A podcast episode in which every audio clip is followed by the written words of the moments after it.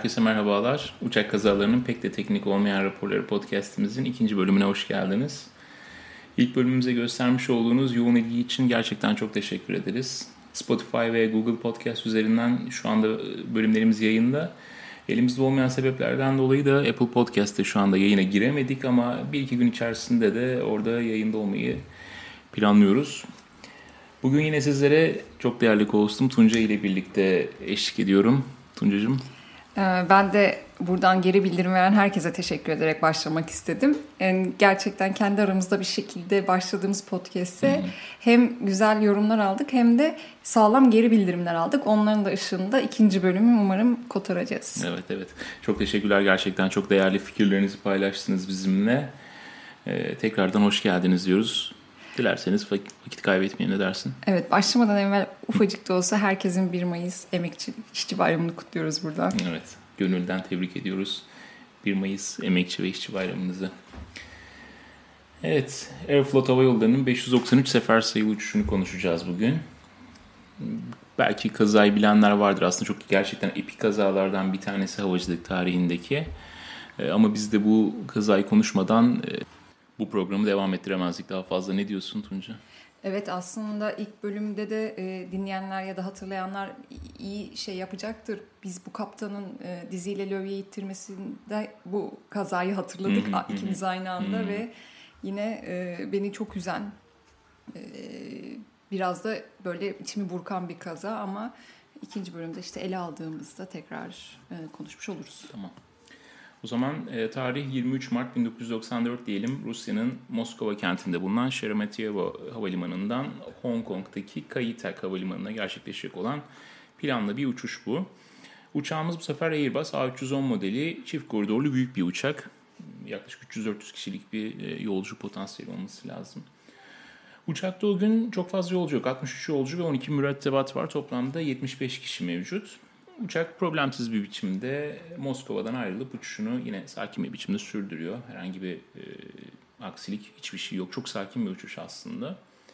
Kokpitte o gün görevli olarak uçan 3 tane pilot var. Birincisi sorumlu kaptan pilot e, Andrei Viktorovich Danilov. Kendisi 40 yaşında ve 9500 uçuş saati var. E, First Officer olarak kendisine Igor Vasilyevich Piskaryov eşlik ediyor. O da 33 yaşında ve 5885 saati var. Yine geçenki e, olayda konuştuğumuz gibi aslında deneyimli bir ekip var. Evet. Son olarak da Relief Pilot dediğimiz Yaroslav Vladimirovich Kudrinski var. 39 yaşında kendisi ve 8940 saati var kendisinin de. Bu ekibin haricinde de kabinde 9 tane görevli kabin memurumuz var.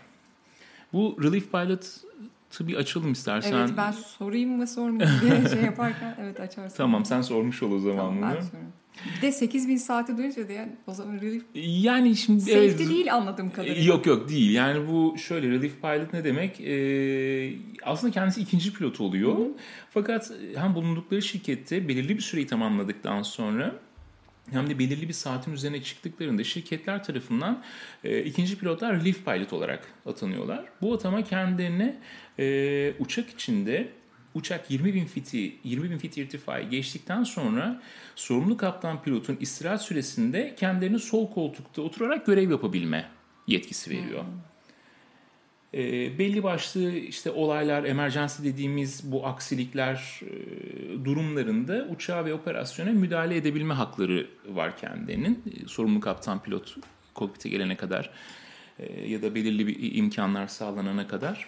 O zaman e, safety biraz sordum ya safety değil derken safety hı hı. neydi? Onu ya safety henüz e, eğitimini tamamlamamış e, LIFUS dediğimiz eğitimi uçan e, sağ koltukta eğitimini uçan ama onun arkasında yine kendisinden daha deneyimli bir pilotun e, oturduğu sorumluluk yani değil. first officer eğer daha lüfusun yani eğitim sürecini evet, tamamlamadıysa evet, evet. arkada safety bir evet, kesinlikle. başka bir pilot evet, oluyor. Safety dediğimiz pilot oluyor. Kendisi aslında yine bir first officer. E, tabii ki bir kaptan da olabilir ama genellikle first officer'dır ama burada kendisi safety pilot değil.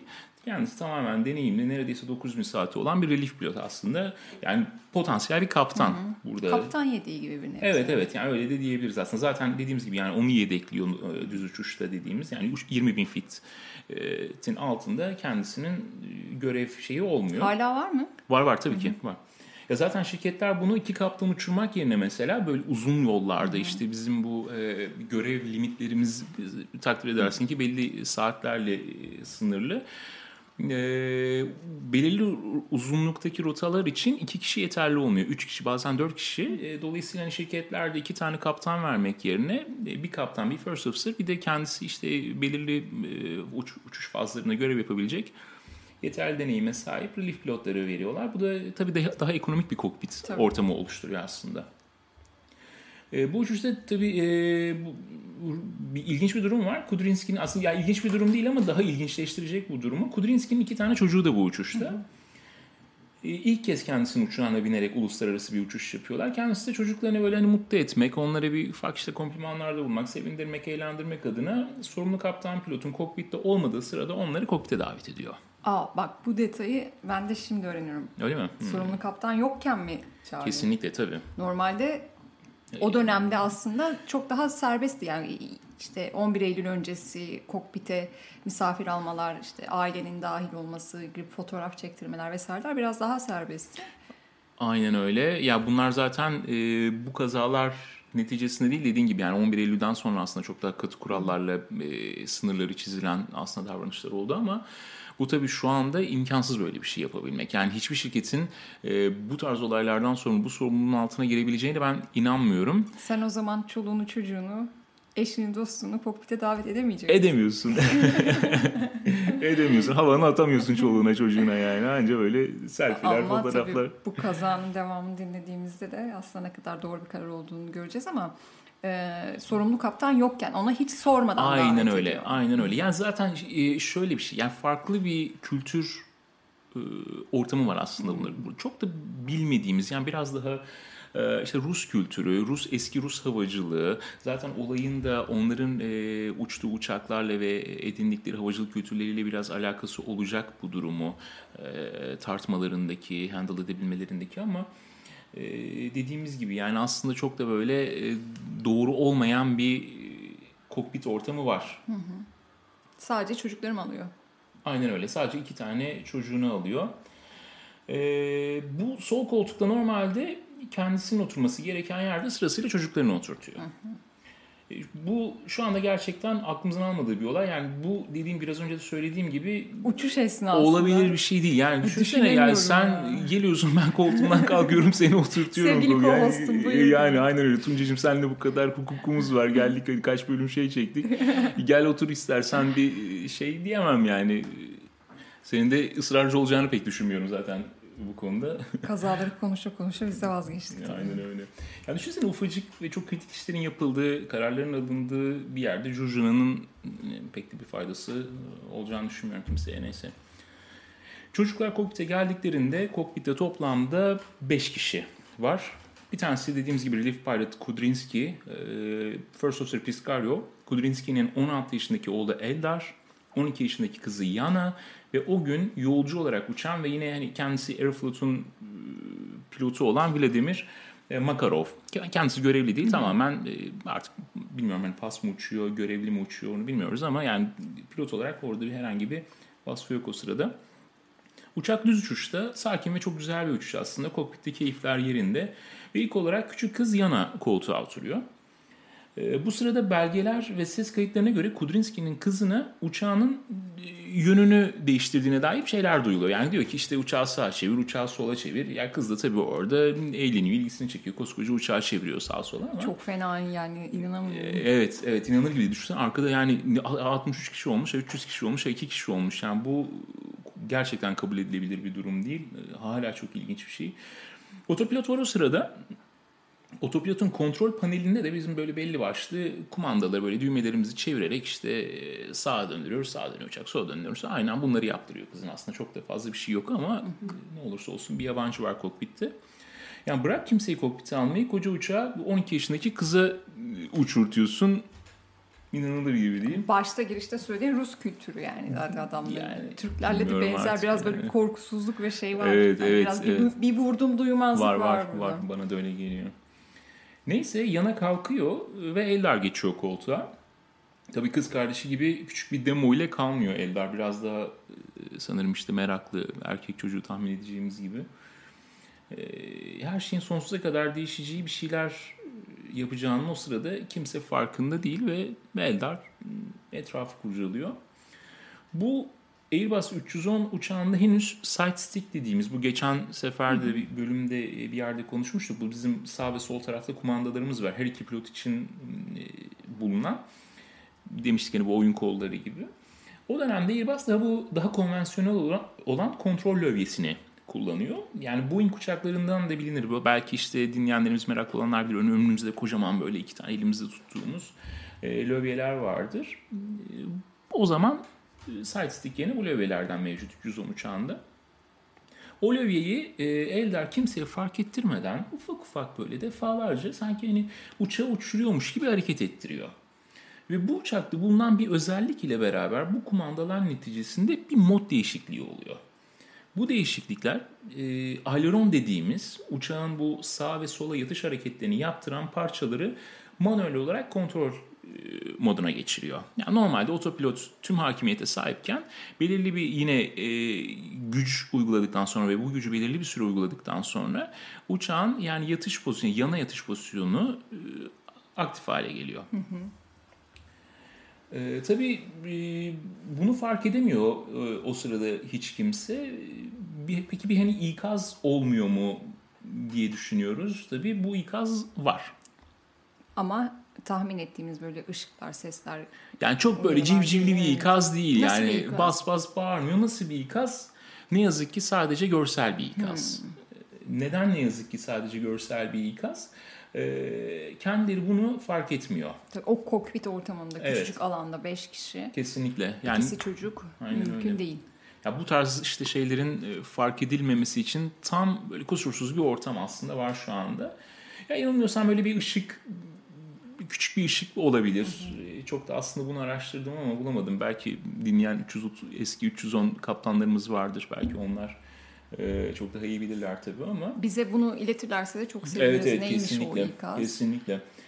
Ee, ya muhtemelen o ışık o sırada görüş alanlarında değil. Yani bir şekilde kapanmış. Araştırmalarda da pilotların e, şöyle bir detaya varılıyor. E, pilotların Sovyet yapımı uçaklarda e, daha alışkın olduklarının haricinde bir durum söz konusu. E, bu da işte sesli ikazın olmaması. Onların uçaklarında söylenene göre çok daha e, belirgin ikazlar varmış. Daha sonradan işte yine Rus pilotlarla konuştuklarında Rus araştırmacıların söylediğine göre e, Rus havacılığının Rus üretimi olan uçaklarda o işte Illusion'larda, e, Tupolev'lerde şeylerde bu tarz ikazlar yok. E, çok ilginç bir biçimde uçağın yatışa girdiğini ilk fark eden Eldar oluyor. Hı hı. Ya o sırada böyle pilotları bunu söylüyor. Yana e, yatış yapıyor diyor uçak. İşte sağa dönüyor, sola dönüyor diyor. Tabii onlar da o andan sonra yani Eldar'ın ikazıyla birlikte durumu fark ediyorlar. Bir anlamaya çalışıyorlar ama o sırada çok kritik olan bu birkaç saniyeyi e, ne yazık ki verimli değerlendiremiyorlar. Yani ne olup bittiğini idrak edemiyorlar. Gece uçuşu muydu? Evet gece uçuşu. Zaten tahmin evet. ediyorum bunun da bir etkisi vardır. Tabii bu kesinlikle var. Çok net Aynen öyle. Yani geçenki olayda da konuşmuştuk. Yani herhangi bir referansımız olmadığı sürece özellikle özellikle görsel referansımız olmadığı sürece ne yazık ki bu tarz manevralar e, hayati önem taşıyor. Ee, dediğimiz gibi yani çok fazla zaman kaybediyorlar. Daha sonra bu e, A310 uçağı 9 saniye içinde alınan bilgilere göre yani bu bilgi, uçuş bilgisayarından daha sonradan bulunuyor bunlar. Oradan edinilen bilgilere göre 9 saniye içinde 45 derece yatış yapmaya Çok başlıyor. Çok ciddi bir oran değil mi? Yani ya, bir yolcu uçağı için. Kesinlikle inanılmaz inanılmaz büyük bir değer bu. Yani 45 derece korkunç bir şey. Çok çok büyük bir sayı. Ve yatışı hiç bozmayan uçak birkaç saniye daha geçtikten sonra anladığımız kadarıyla hızlanmaya başlıyor zaten o yatış. 90 derece yatış yapmış oluyor. Düşünsene ya tam dik bir pozisyonda uçak o sırada korkunç bir e, hava süretiyle uçuşunu e, devam ettiriyor. Bu bildiğimiz şey filmleri gibi aslında hani havada panik filmleri ya işte gibi yani. döndürüyor ya uçağı falan yolcu uçağını ters şey.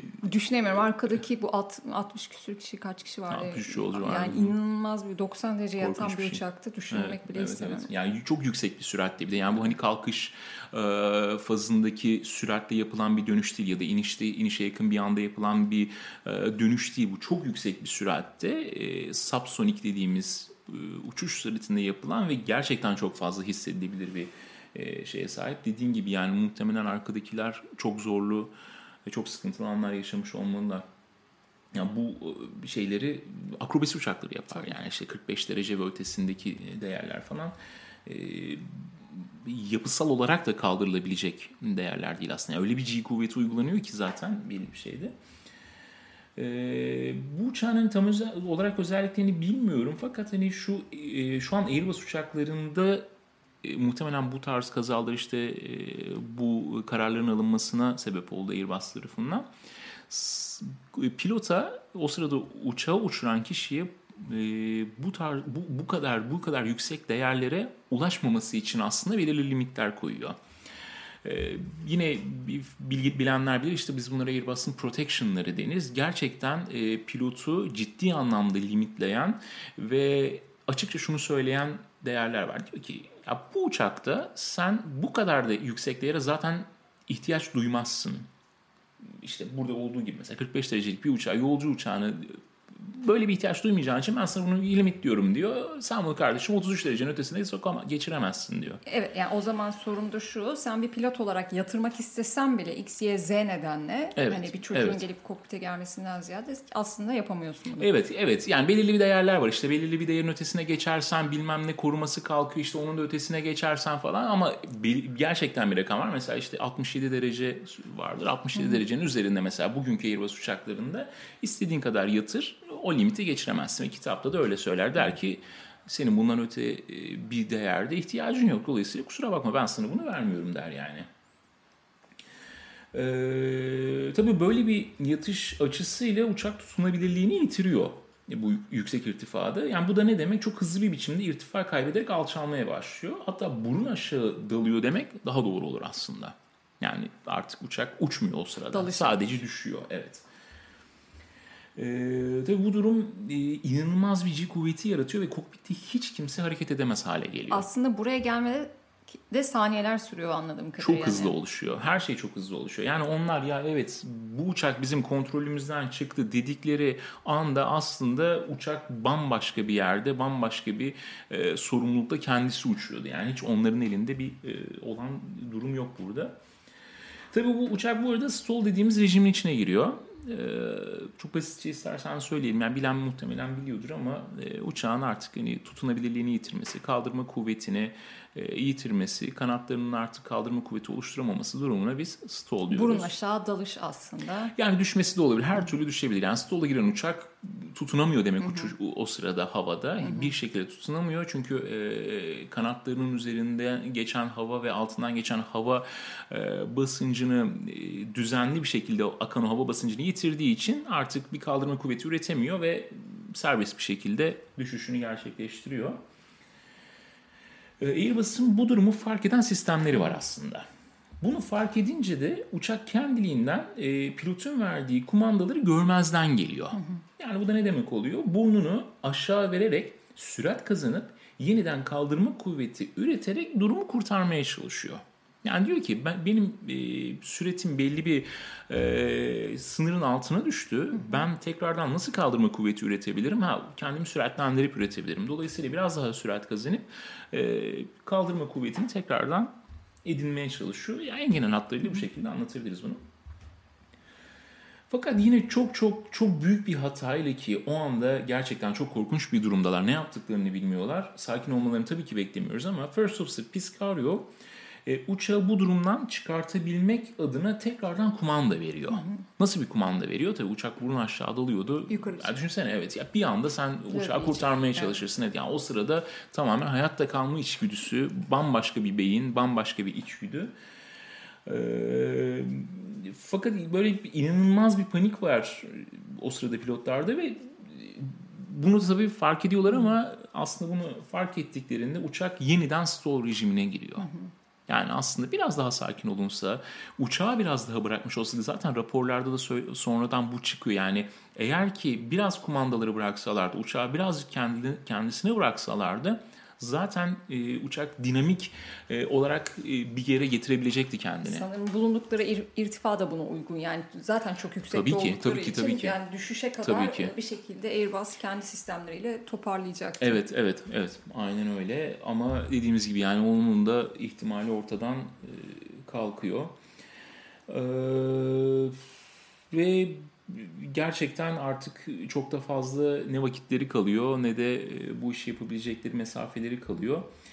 E, ne yapıp ne edip tabii biraz önce e, bir an önce uçağı bu rejim değişikliğinden kurtarabilmek adına hala çırpınıyorlar ve bir ara Kudrinski koltuğa tekrar oturabiliyor. Hı hı. Tabii çok muhtemel işte bir ara çocuk kalktı oradan koltuk boşaldı ama koltuk bir süre boş kalıyor işte kendileri bu G kuvvetinden inanılmaz etrafa savruluyorlar falan. Ya, Gerçekten korkunç bir yani YouTube'da bunun e, işte bu Mayday tarafından işte Aircraft, Air Crash Investigation programı tarafından falan çekilen hmm. şeyleri var. Çok güzel canlandırmalar var. Gerçekten dinleyenlerin de 40-45 dakika bir, bir saat kadar ayırıp bu canlandırmaları izlemelerini çok isterim. İnanılmaz bir e, olay. Çok güzel canlandırılmış, çok güzel anlatılmış aynı zamanda. Ha, bu arada e, ses kaydı da var. Hı hı. Olarak ses kaydı da var. YouTube'dan e, 593 sefer sayılı uçuş olarak aratılabilir Aeroflot'un. Ee, Biz de bunları istersen kaçırıyor. Instagram'a ekleyelim evet, evet, de aha. insanlar tabii, tabii. kolayca bulabilsinler. Hı hı hı. Ama tabii kim izlemek ister bilmiyorum. Yani bizim gerçekten yine üzerine düşünüp konuşup içinde çocuk da olduğu için böyle içimizin cız ettiği bir durum. Değiştiriyor çok, durumu çok biraz anlayabilir değil mi? bir şey yani. bir yakının pilotsa tabii ki kokpite girmek istersin. Bir yakının pilotsa tabii ki onunla bu keyfi paylaşmak istersin ama işte sonuç. Kesinlikle öyle. Ee, dediğimiz gibi Skar, e, düzeltiyorum Kudrinski e, koltuğuna oturabiliyor sol koltuğa. Fakat e, artık gerçekten çok geç ve çok fazla irtifa kaybetmiş durumdalar. E, bu durumda da yine bu işte FDR dediğimiz e, uçuş bilgisayarları ve e, ses kayıt cihazları karşılaştırılıyor, bakılıyor ve e, yaklaşık olarak 14 bin fit dikey süratle yani hmm, dakikada yaklaşık olarak 5000 metre kaybederek yani korkunç bir sürat bu.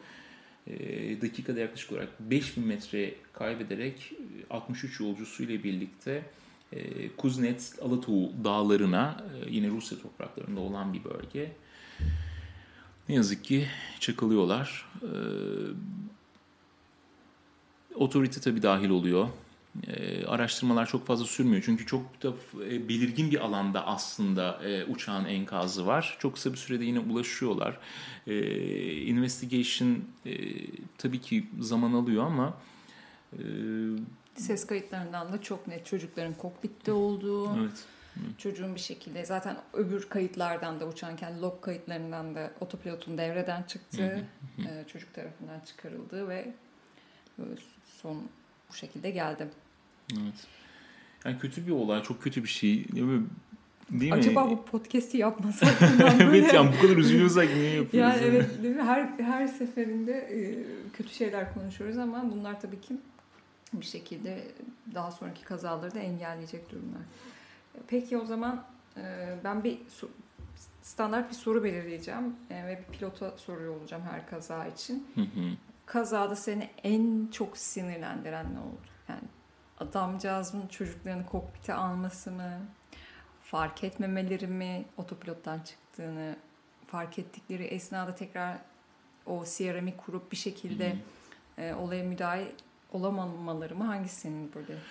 Ya şimdi şöyle tabii ki e, genelde bu tarz kazalar, olaylar bir hatalar zinciriyle her zaman başlar. Geçenki kazadan hatırlayalım yani ufacık bir tane işte şey dediğimiz ampul dediğimiz olay bambaşka bir yerlere getirdi ama gerçekten çok e, kabul edilebilir hatalarla birlikte e, öyle bir kötü sonuca varılmıştı. Fakat burada ben bir hatalar zinciri görmüyorum kendi adıma e, söylemek gerekirse. Benim için burada bir hatalar zinciri. Burada tek bir hata var. Burada e, tek bir kişinin yaptığı, tek bir kişinin sorumsuzluğunun e, sonucunu görüyoruz biz burada. Çünkü her şey çok problemsiz, çok sıkıntısız. Teknik bir arıza yok. Hiçbir şey yok. Hiçbir şey yok. Fakat e, o sorumsuz bir insan var ortada ve e, ne için ve hiçbir şey için anlayabiliyorum. Evet yani muhakkak ki insan bunu göstermek ister. Çocuk, senin çocuğun bambaşka bir şey. Fakat Arkada da birilerinin çocukları var anlatabiliyor muyum? Yerde de birinin çocukları var. İşte başka uçakta da birinin çocukları var. Herkes biri, biri, birbirinin yakını ve herkes birilerinin bir şey. Dolayısıyla e, Yerdeyken en azından kokpit ortamının hani gösterilmesi. Daha ben de hemen kıyamıyorum. Ya bazı şeyler merak olarak kalabilir bak gerçekten. Yani anlayabiliyorum. Çok ilgi çekici bir durum var ortada. Paylaşılma ihtiyacını da anlıyorum. Çocuğun merakını da anlıyorum. Fakat çocuk da olsa, merak da olsa Yapacak bir şey yok. Evet. bence çok da fazla yapacak bir şey yok. Merak etmesine müsaade etmeliydiler diye düşünüyorum. Yani beni en çok sinirlendiren şey oldu. Yani düşünsene yani hiçbir şeyden haberin yok. Kalktın işte İstanbul'dan Ankara'ya gidiyorsun. Kaptanın çocuğu çok merak ediyormuş. Oturuyor koltuğa. E, Zarp diyor çekiyor kumandayı ve hiçbir şey yok. Yani senin hiçbir sorumluluğun yok ve sen bir tane sorumsuz adamın yüzünden e, bedenindeki parçalar dahi bulunamayacak şekilde yok oluyorsun. Yani inanılmaz bir G kuvvetiyle bir yer çekimini Orayı düşünmek bile istemiyorum Hakikaten zaten. ya burada Evet. insan insanların artık geldikleri şeyi düşünsene yani. Peki e, sanırım şu an Airbus'un e, sistemlerinde otopilottan çıktığında bir sesli uyarı var değil mi? Var var evet evet evet. Yani muhtemelen zaten çok fazla güncelleme geldi bundan sonra. Dediğim gibi yani hani uçağında kitaplarına açıkçası ulaşmak için çok bir çaba sarf etmedim. Bunu da itiraf edeyim. E, net özelliklerini bilmiyorum ama şu anda diyelim ki bu geçen galiba bölümde de bundan söz etmiştim. Diyelim işte side stick ufacık bir şey yani kolun yanlışlıkla kolun çarptı diyelim ona. Hakikaten kokpit inliyor. Yani işte yoğurttan ağzı yanan e, şeyi e, sütten ağzı yanan yoğurdu aynen bu şekilde yiyor işte. Yani şu an bas bas bağırır uçak. Onu görmemek, duymamak imkansız bir şey. Senin de böyle bir anın var bir ara bize onu anlatırsın. Ya- Uzun boylu falan olunca böyle yarı olunca ister istemez çarpıyorsun böyle ama olabiliyor böyle kazalar tabii. Ufacık böyle bir Ama Allah'tan cangır cangır bağıran. Evet evet ya bu herkesin başına gelebilir tabii. Yani kolun çarpar, bacağın çarpar. Bunlar biraz da tabii farkındalık. Yani senin hani belli bir kuvveti uyguladığını da aslında e, otomasyon senin yüzüne vurmak zorunda diye düşünüyorum. Evet. O zaman klasik kapanışımız buraya kadar dinleyen, bu üzücü hikaye bizimle birlikte dinleyen herkese çok teşekkür ediyoruz. Yayınlarımız devam ediyor olacak gibi gözüküyor. Tekrardan yorumlarınızı alabilirsek çok seviniriz. Bizi Instagram'dan da takip ederek aslında hem sorularınızı hem yorumlarınızı iletebilirsiniz. Çok da fazla bir şey kalmadı bana söyleyecek. Dinlediğiniz için çok teşekkür ediyorum. Bir sonraki bölümde görüşmek dileğiyle. Hoşçakalın. Bay bay.